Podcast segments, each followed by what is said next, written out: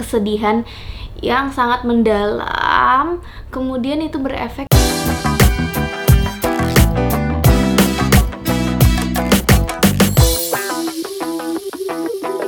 Halo, halo, halo. Kembali lagi bersama aku Gusti Gina.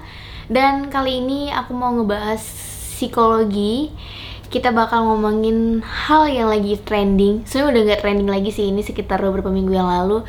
Cuman aku kayak ada sedikit hmm, gimana ya di hati aku kayaknya aku harus ngebahas ini deh.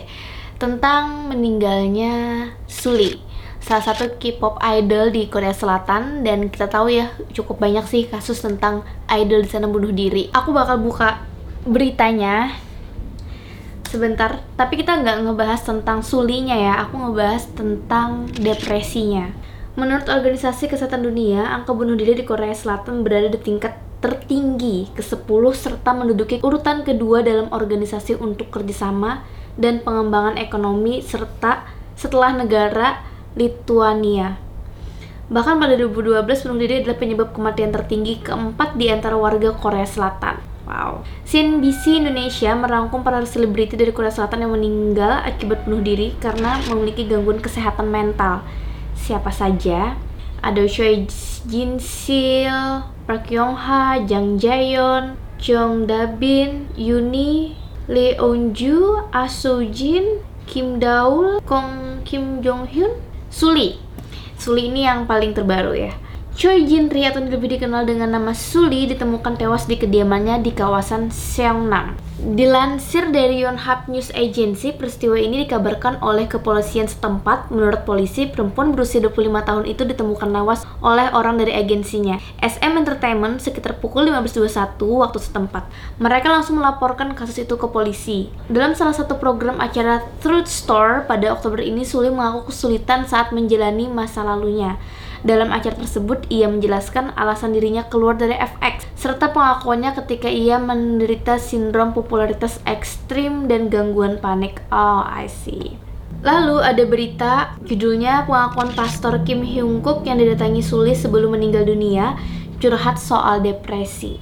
Pertemuan itu terjadi dua tahun yang lalu. Pastor Kim Hyung Kook mengenal Suli setelah dikenalkan temannya. Mendengar kabar kematian Suli, Kim Hyung Kook juga turut bersedih. Keputusan seorang selebriti untuk mengakhiri hidupnya diberitakan di mana-mana. Depresi itu apa sih? Simpelnya, ini simpelnya dulu. Depresi itu adalah perasaan negatif berupa kesedihan yang sangat mendalam, kemudian itu berefek kepada pikiran, perasaan, emosional, dan tentunya adalah kesehatan mental seseorang. Nah, untuk mendiagnosis kamu itu depresi atau tidak itu nggak bisa didiagnosis sendiri atau self diagnose itu harus didiagnosis oleh psikiater ataupun psikolog. Karena ada banyak tahapan yang dilakukan psikolog ataupun psikiater untuk memeriksa apakah kamu benar-benar mengalami depresi dan itu ada panduannya disebut dengan DSM-5 untuk diagnosa masalah mental disorder. FYI, depresi adalah gangguan nomor 2 di dunia yang paling mematikan. Diprediksikan pada tahun 2020 akan menjadi wabah yang menyebar di seluruh penjuru dunia. Hal tersebut diungkapkan oleh Stan dan J 2006 Gejala yang pertama adalah gejala dari segi emosional. Yang pertama ada perasaan sedih, rasa tertekan Anedonia yaitu perasaan kekurangan atau menurunnya minat untuk melakukan aktivitas sehari-hari. Jadi nggak ada lagi minat dan perasaan senang gitu loh. Terus juga sangat mudah menangis. Ditandai juga dengan ada kecemasan Dilanjutkan dengan gejala kognitif itu berupa sulit konsentrasi, mudah lupa, merasa tidak layak atau tidak berharga, pikiran bersalah, putus asa. Bisa juga ada gejala neurovegetatif seperti hipersomnia, ngantuk banget nih, pengen tidur terus, atau kebanyakan tidur atau kebalikannya insomnia. Ada juga anoreksia, itu hiperfagia atau justru kayak lapar terus gitu, pengen makan, pengen makan terus. Bahkan bisa terjadi retardasi atau agitasi si psikomotor. Gejala lain adalah gejala somatik. Nah, gejala somatik ini sebenarnya adalah gejala fisik, tidak dapat dijelaskan secara medis. Itu diakibatkan kesehatan mentalnya dia. Jadi ada gangguan mental yang menyebabkan terganggunya fungsi fisik. Pikiran bisa mempengaruhi kesehatan tubuh kita, kesehatan fisik kita. Misalnya ada keluhan kardiovaskular berupa nyeri dada atau perasaan seperti nyeri, mual, diare, gangguan menstruasi atau ada masalah seksual, pusing, lelah lelah, sakit kepala, nyeri pinggang, nyeri sendi. Nah, itu yang tidak bisa dijelaskan oleh kondisi medis. Jadi bukan karena ada masalah nih di fisiknya, tapi masalahnya ada di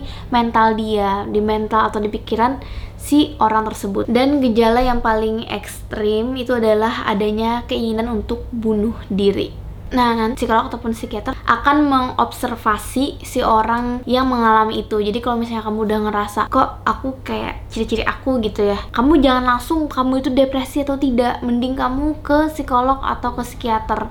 Diceritakan nanti mereka yang bisa mendiagnosa. Nah, itu tadi adalah gejala-gejala dari depresi. Tapi untuk diagnosa depresi itu pun ada lagi nih jenis-jenis yang mana di setiap diagnosa depresi itu ada kriteria-kriteria diagnosis. Jadi kalau tidak memenuhi kriteria diagnosis itu maka tidak bisa disebut depresi.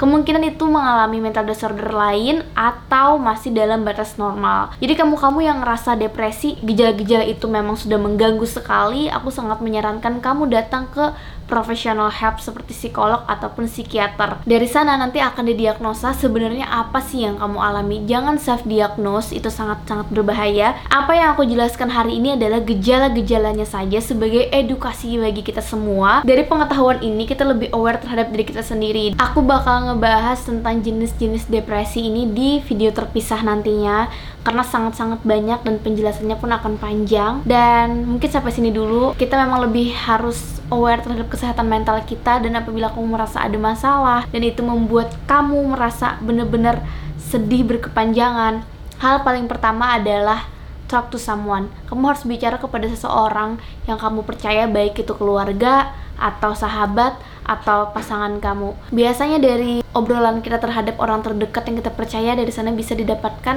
kan solusi untuk masalah kita. Kita akan mendapatkan pandangan baru dan mungkin itu bisa dilakukan untuk memecahkan masalah kita. Tapi apabila tidak membantu juga, alangkah baiknya seharusnya memang wajib datang ke professional help yaitu psikolog atau psikiater. Semoga bermanfaat video aku kali ini yang sehat tidak hanya fisik tapi juga jiwa kita. Tapi sebelumnya, please do subscribe channel aku biar aku semangat bikin video-video lagi dan juga di-share kalau ini merasa ada manfaatnya. Dan jangan lupa untuk nyalakan tombol notification agar kamu dapat notifikasi ketika aku update video baru. Bye.